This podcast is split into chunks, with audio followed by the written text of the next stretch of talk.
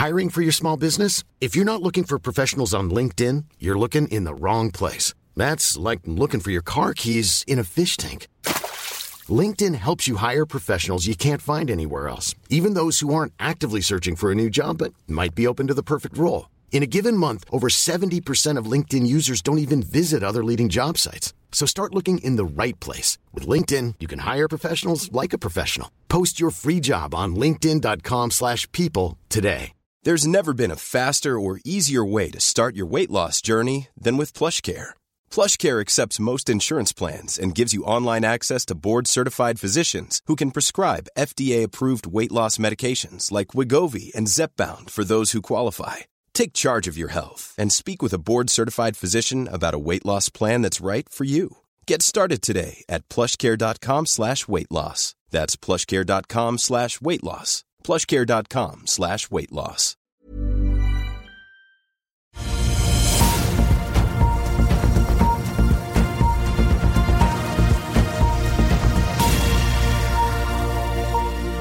En riktig god morgen og velkommen til Børsmorgen her hos oss i Finansavisen denne tirsdagen.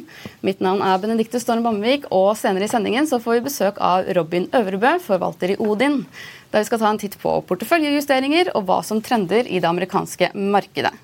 Men først skal vi se litt på Oslo Børs, som endte ukens første handelsdag med en nedgang på 1,08 Ved børsstengning i går så hadde prisen for et fat nordsjøolje falt med 1,5% og senioranalytiker i Arctic Securities, Ole Rikard Hammer, sa til TDN at han tror oljeprisfallet etter forrige ukes OPEC-møte skyldes at Saudi-Arabia ikke klarte å skape et inntrykk av en sterk og sammenhengende gruppe. I dag så venter Nordnett-analytiker Roger Berntsen at Oslo Børs vil åpne svakt ned med 0,1% Det var også nedgang i USA i går kveld, der de tre ledende indeksene på Wall Street endte handelsdagen i rødt. Nasdaq var den indeksen som falt mest av de tre, og var ned 0,48% Nei, 0,84 Den sure stemningen har også smittet over på børsene i Asia og stillehavsområdet i dag, der bl.a. Nikkei i Japan faller 1,2% til tross for positive nøkkeltall som ble sluppet i løpet av morgentimene. Samtidig er Shanghai Composite ned 0,7% mens Hang Seng i Hongkong er ned 1,6% når det gjelder oljeprisen, så har den falt noe tilbake siden midnatt og er nå ned 0,24% til 78 dollar og 1 cent. I andre nyheter så har eh, konsulentselskapet Multiconsult kjøpt tilbake 650 000 egne aksjer til en kurs på 130 kroner. Det tilsvarer et tilbakekjøp på 84,5 millioner kroner. Den 30. august i år så anbefalte styret i Hyon at selskapet skulle avvikles pga. manglende finansiering. Nå melder selskapet at salgsprosessen går bra, men det forventes at tidslinjen vil strekke seg inn i første kvartal til neste år. For å styre denne prosessen er Harald Bjørn Hansen utnevnt til midlertidig administrerende direktør. Samtidig meldes det tirsdag morgen om et rekordår for norsk sjømattransport. Da rekorden fra 2022 ble slått allerede før midten av november. Ifølge administrerende direktør i Norsk sjømatråd så venter han at verdien kommer til å ende på over 170 milliarder kroner i år, mot litt over 151 milliarder i fjor. Vi er da straks tilbake med Odin-forvalter Robin Øvrebø etter en kort reklamepause. Vil du bli oppdatert på det viktigste som har skjedd innen finans og næringsliv? Da er det bare å følge med, for hver morgen er jeg, Marius Lorentzen og aksjekommentator Karl Johan Malnes på plass i studio for å ta tempen på dagens marked i Børsmorgen. Og hver ettermiddag oppsummerer vi alt du trenger å vite i økonominyhetene, og det blir selvfølgelig masse interessante gjester. Klikk deg inn på fa.no-tv, eller søk opp Børsmorgen og Økonominyhetene der du hører på podkast.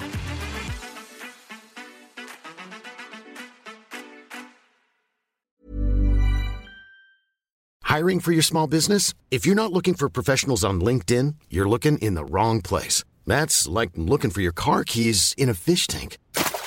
LinkedIn helps you hire professionals you can't find anywhere else, even those who aren't actively searching for a new job but might be open to the perfect role. In a given month, over 70% of LinkedIn users don't even visit other leading job sites. So start looking in the right place. With LinkedIn, you can hire professionals like a professional. Post your free job on linkedin.com slash people today.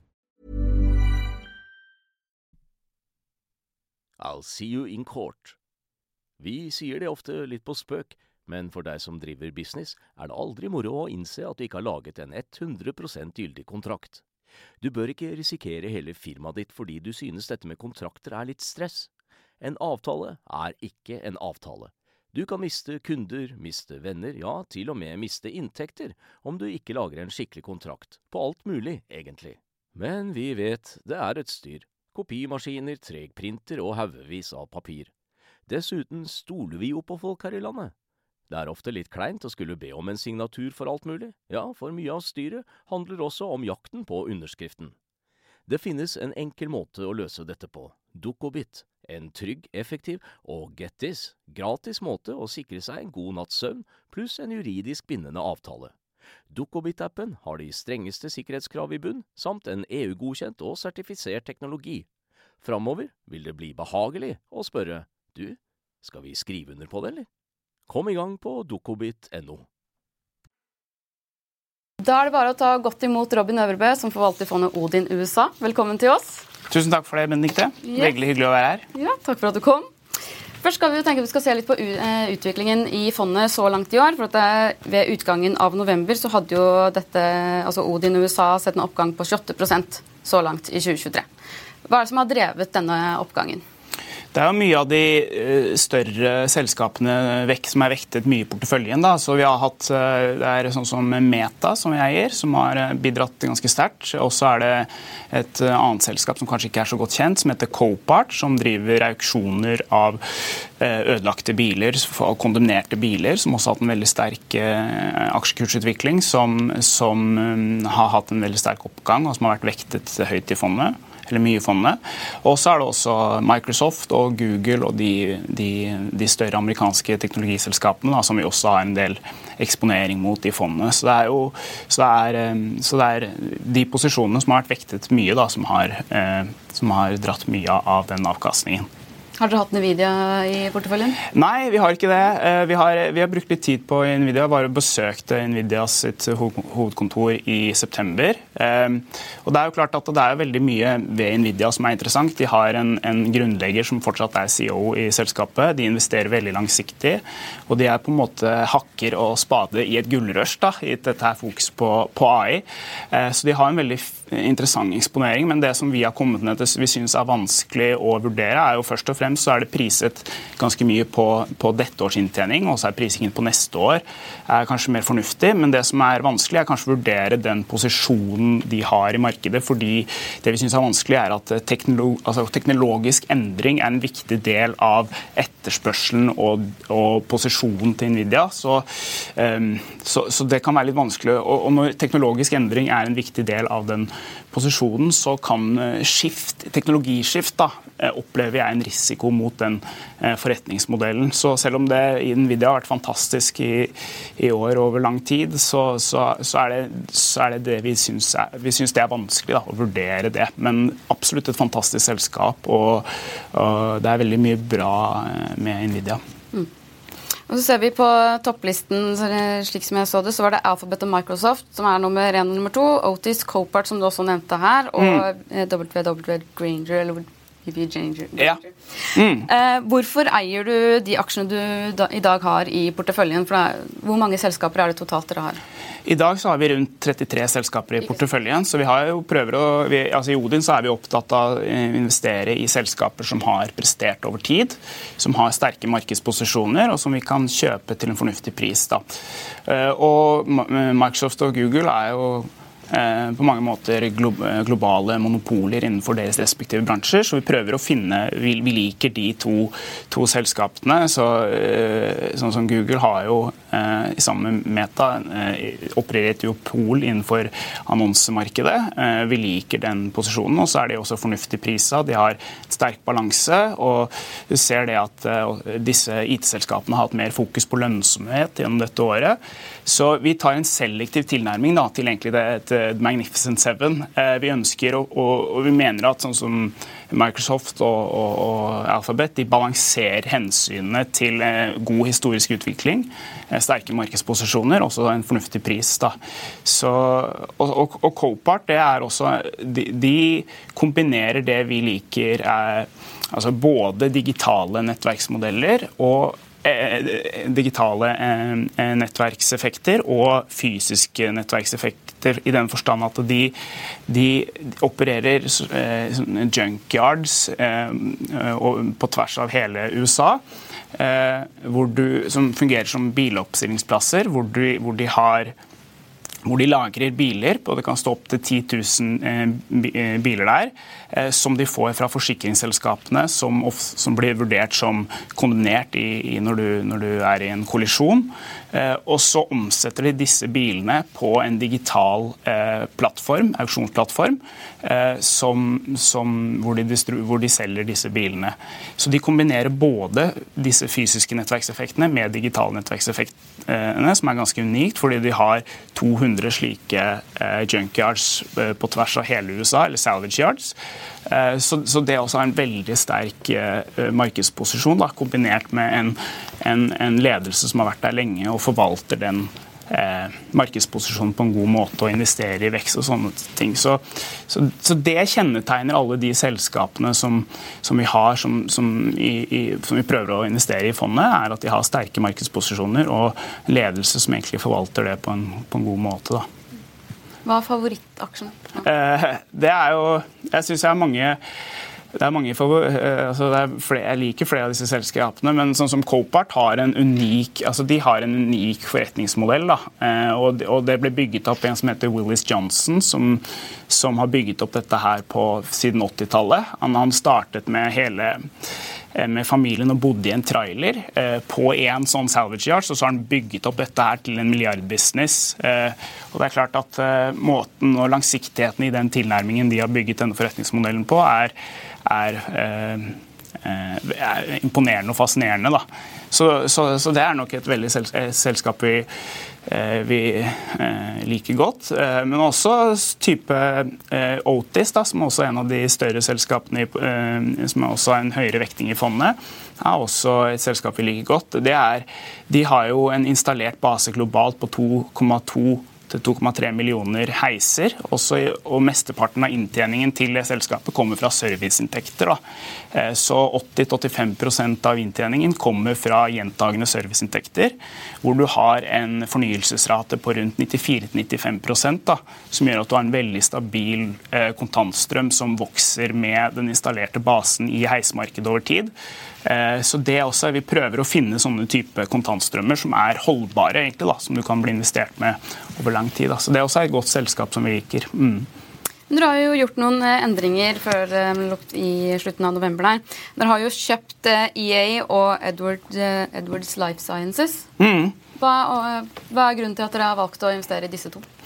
Når det gjelder EA, så, det, så, har vi brukt eh, de siste, over tid har vi brukt litt tid på, på gamingsektoren. Da, fordi vi syns det er interessante karakteristikker der, i den forstand at uh, markedet ser ut til å ha blitt mer Eh, konsolidert over tid, i tillegg til at du har noe vekst. Altså, det er fortsatt et ungt, altså Gamingmarkedet er fortsatt et ungt marked.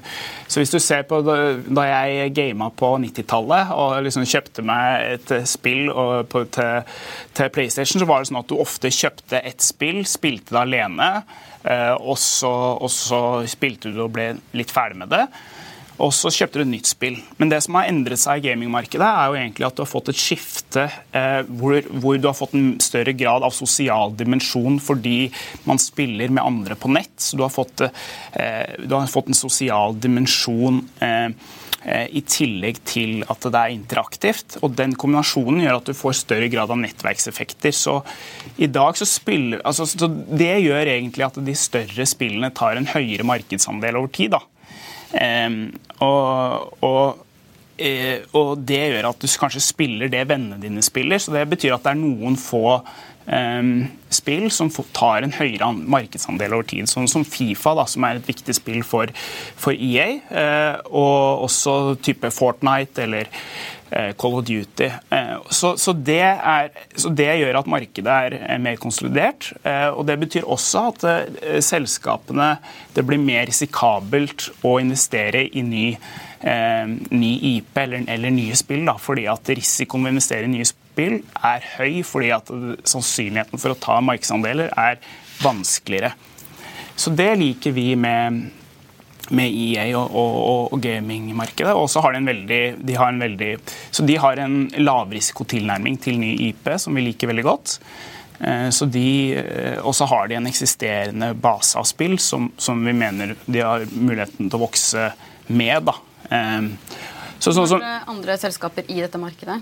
Ja, Du har jo, du har jo andre. Du har Activision, som ble kjøpt av Microsoft. Eh, og så har du også Take Two, som også har en interessant eh, posisjon. De, de, er, de, er, nok mer aggressive når det gjelder å kjøpe ny IP.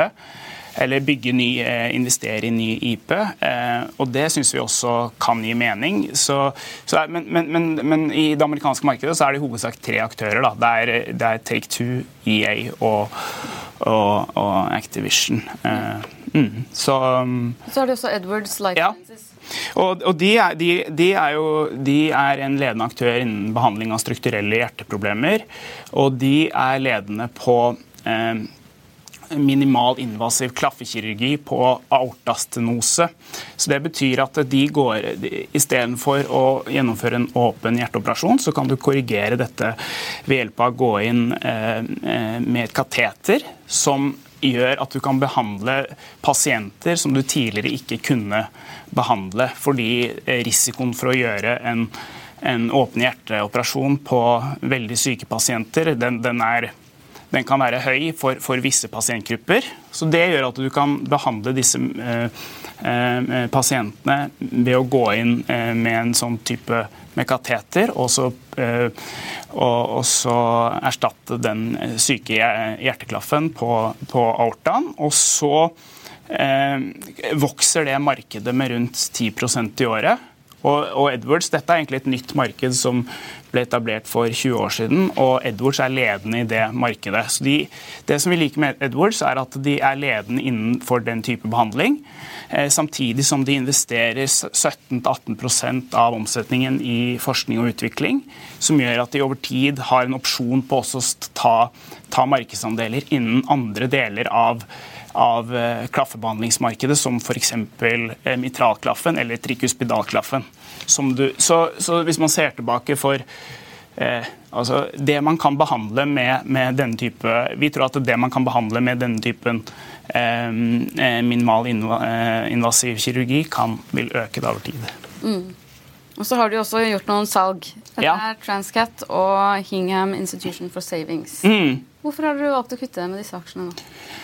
Det er jo eh, når Jeg skrev jo i en sånn eh, månedskommentaren vår så skrev jeg litt om når man skal selge, og, og det er jo eh, ofte, ofte så er jo Vi er jo på jakt etter å finne selskaper som vi kan være investert med over lang tid på, på lang tid, da, være med på den reisen. Men, så, det, det, men så er det alltid noen grunner til hvorfor du skal velge å, å, selge. og det er For det første så kan det være at du har tatt eh, feil, at du har tatt, gjort en feilinvestering og vurdert, vurdert risikoen og mulighetene feil i den investeringen. Det kan skje.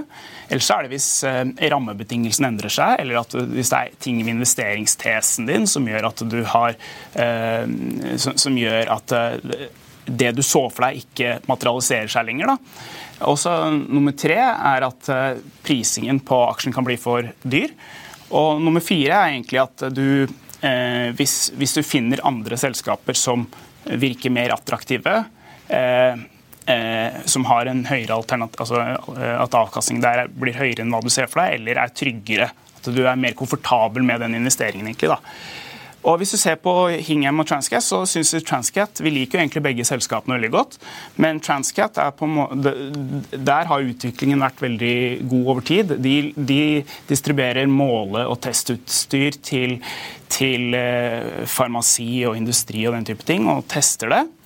Um, og kalibrerer det. Så de har, de har, litt sånn modell som Otis, egentlig, men der har prisingen blitt for høy i forhold til hva vi tror de kan levere i langsiktig verdiskaping. Så vi valgte å investere i andre ting. Eh, og For Hingham så er det egentlig at eh, vi også liker den banken. De har en veldig sånn tydelig forretningsmodell eh, hvor, de, hvor, deres modell er å redusere de operasjonelle kostnadene over tid. Men det de har, er at de har en balanse som i utgangspunktet er ganske sensitiv på innlånssiden, fordi de har de har ikke en så stor innskuddsbase. 20% av finansieringssiden er innskudd, eh, som, som, gjør at de har vært sårbare for renteoppgangen. Og særlig at man har vært så hurtig og rask.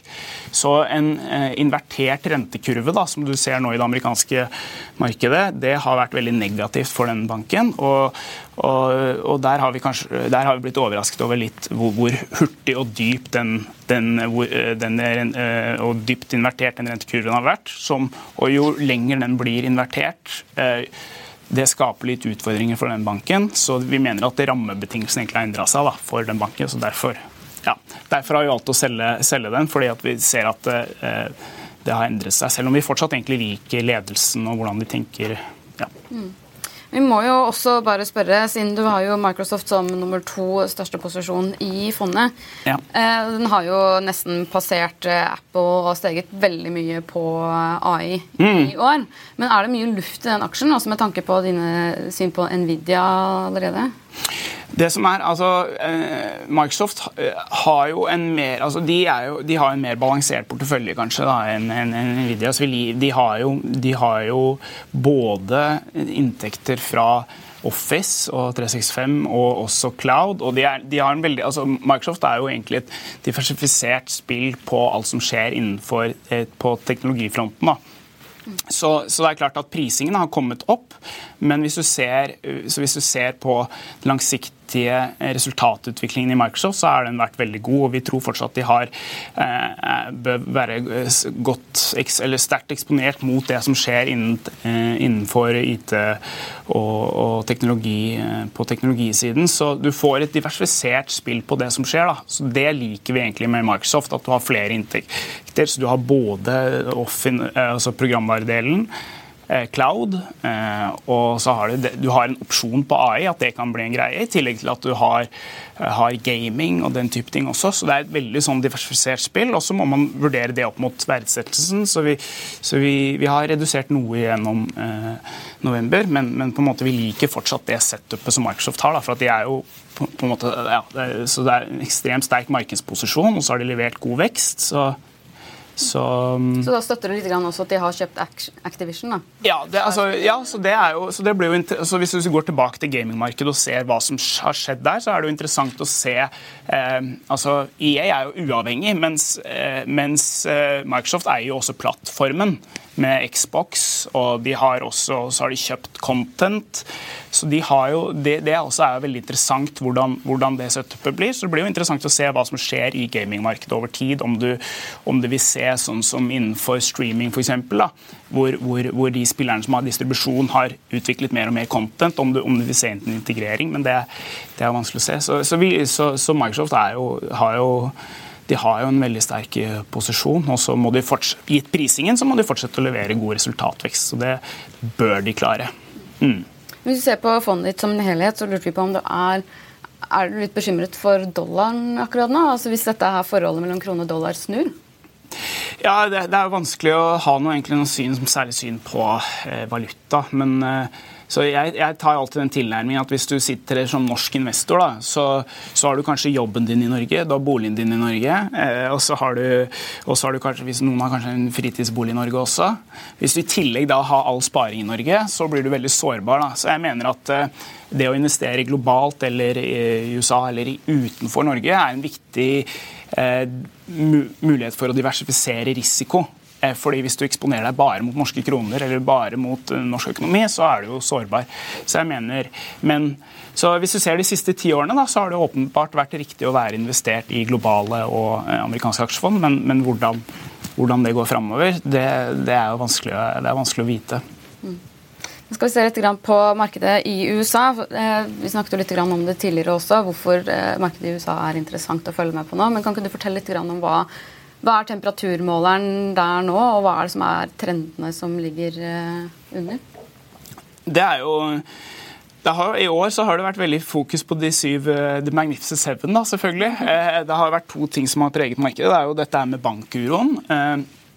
Men også Magnificent Seven, at de har de store amerikanske teknologiselskapene at de har blitt en veldig sterk eller høy andel av indeksen. Eh, så det har jo drevet markedet. Eh, det, men det som jeg er litt opptatt av, er jo at eh, hvis du ser på de tre-fire siste årene, så har jo det vært, det har vært år som har vært preget av veldig mange hendelser. At det har liksom vært et det, det har, Du har hatt pandemi, global nedstengning, du hadde krakk eh, resesjon, og så hadde du et veldig ekstremt fall i rentene, og så hadde du sterk renteoppgang og, og bullmarked, eller bullmarked før renteoppgang, og så har du hatt inflasjon, og så har du hatt krig, og så har du i år har du hatt bankruns. Så jeg tenker det, det på en måte det du som investor må håndtere, er jo usikkerhet. Så usikkerhet er en egenskap ved markedet som du som investor må akseptere og tåle, egentlig. Um, og der tror jeg vi har mye å lære alle sammen av. Det, det, det, var, det, var, er en morsom historie med JP Morgan som uh, han liksom skal bli spurt da, av en ung investor som spurte uh, uh, Mr. Morgan what you think about the markets. Og da sier visstnok skal eh, JP Morgan visstnok ha sagt eh, it's going to fluctuate. Og det er det. Det vil fluktuere, men på, langt, på lang sikt da, så vil markedet fluktuere oppover. Så være rasjonell optimist tror jeg kanskje er en veldig fornuftig tilnærming da, til, til aksjemarkedet. Mm. Du hadde jo også med en, eh, noen grafer her, eh, Robin. Kan ikke du vise, se på en av de første der? ja, så jeg har jo med noen grafer. for det, er, sånn, det er, lett å bli nærsynt da, når man ser på, på aksjemarkedet. Og, og den her viser egentlig bare inntjeningsveksten for SMP 500 fra 1960 til i dag. Og vi liker å tenke, Hvis du ser på hvorfor man skal eksponere seg mot aksjemarkedet, så er det så er det fordi at eh, du eksponerer deg egentlig mot økonomien. Da. Og økonomien den vokser over tid. Og Hvis du ser på SMP 500, så har inntjeningen for SMP 500 gått fra 3,1 dollar til 219 dollar eh, i forventet inntjening for 2023. Og det tilsvarer 7% årlig vekst. Så Hvis vi går til neste, neste graf, eh, så viser man og Det er jo det som har drevet SMP 500 fra 58 til nesten 4600. Så SMP har gitt 7,2% årlig avkastning eh, i, i kursutvikling, da, i tillegg til at du har fått utbytte på 2,9 eh, Så totalt så blir det ca. 10% avkastning i året. Og så Det er litt sånn som vi tenker i Odin også, at vi prøver å finne selskaper hvor vi eksponerer oss mot det, det utbyttet du kan hente ut som aksjonær, i tillegg til at du får resultatutvikling eh, ved at selskapene evner å vokse lønnsomt over tid. Da. Og Gitt det, da, så skal du få den avkastningen i de aksjene hvis de, å, hvis de betaler ditt utbytte og vokser lønnsomt. Så det, jeg tenker, det er en viktig påminnelse til de som investerer i aksjemarkedet. er at eh, På kort sikt så er det Og det kan egentlig, hvis man går på neste graf også Dette er prisingen da, på SMP 500. Eh, som, den hopper, jo, hopper og spretter rundt omkring. Og hvis du fokuserer på det, så er det veldig fort gjort å bli kortsiktig og litt stressa kanskje også. Særlig når det er mye usikkerhet i markedet. Man føler det skjer mye. men men hvis man tenker som en bedriftseier egentlig, da, og, og, eksponerer seg mot utbytte og resultatvekst og tenker i de baner, så tror jeg man har gode forutsetninger egentlig, da, for, for, å skape avkastninger langsiktig i markedet. Mm. Dette er da grafer eller eh, data som dere bruker eh, som base for investeringsstrategien, eller er det mer som påminner? Det er jo egentlig mer en påminner. Ja. Eh, men, men, det er klart, hvis, hvis, hvis, vi går tilbake til Electronic Arts igjen, da, så, så, ser vi det at Electronic Arts for eksempel, de betaler et utbytte på 0,5% Så kjøper de tilbake aksjer for 2-3% Og så mener vi at de har muligheter til å kanskje vokse et sted mellom 6 eh, til 10 da. Og Hvis du da er eh, langsiktig eh, aksjonær, da, så er det det du bør kunne hente ut som eier av det selskapet. Så det mener jeg, så, det er den tilnærmingen prøver å tenke. Og det er egentlig litt sånn, hvis du, altså hvis du skulle investert i selskap privat, så er det liksom så er det kanskje to spørsmål du vil stille deg. Altså, bør jeg investere i denne, i denne Eh, eiendelen eller den forretningsmodellen, er det fornuftig. Og vi investerer sammen med de menneskene som opererer denne forretningsmodellen. Neste graf så viser jo også konsentrasjonen i indeksen. Ja. Mm. Eh, så, så, den er jo høyere enn på lenge. Og det er jo som investor da, så må det jo være eh, Så vi har jo tatt en selektiv tilnærming til Magnificent Seven. Så liksom, vi har vært innom Microsoft og Google, og så eier vi Meta. Så, og, så vi eier jo, og de, de utgjør rundt sånn 11, mellom 11 til 12% av fondet. Fordi vi mener at vi kan forsvare det ut fra hvordan vi balanserer prestasjon, posisjon og pris. Og så syns vi de andre er eh, Vi var inne på Nvidia. da, Vi syns vi er vanskelig pga. enten at vi syns det er vanskelig å vurdere forretningsmodellen, eller Tesla. ja, Der, der er også samme, egentlig, at vi syns det er vanskelig å vurdere forretningsmodellen til Tesla i kombinasjon med prising. Og på Apple så er det mer prising. Vi syns Apple er et fantastisk selskap. men, men på 30 ganger inntjening syns vi det fremstår dyrt, da, gitt den veksten du får.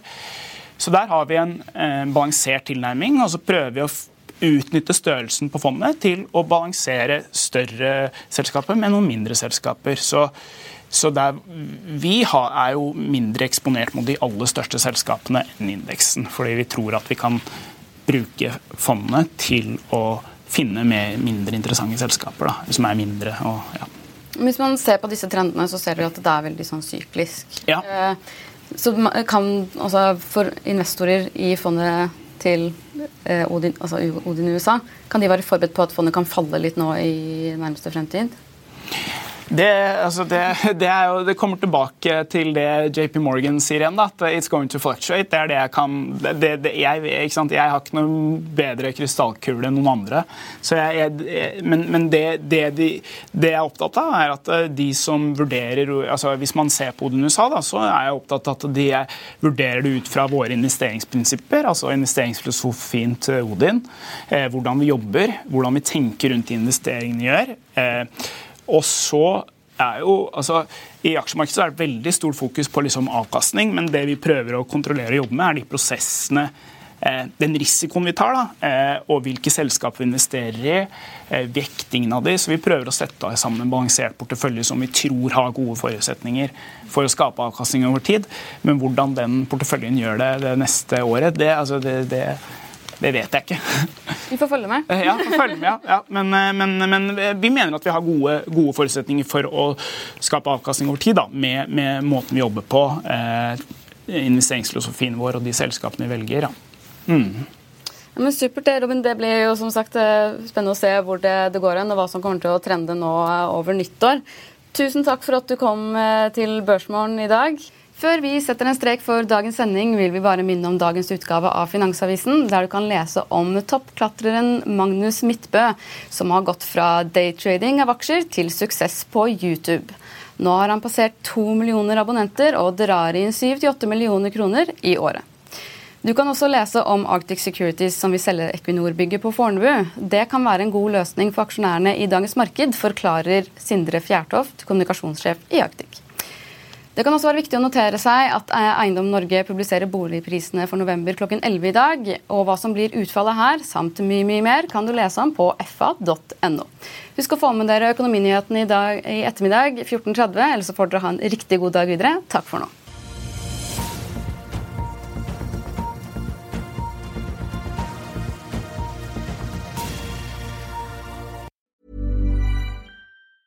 Planning for your next trip?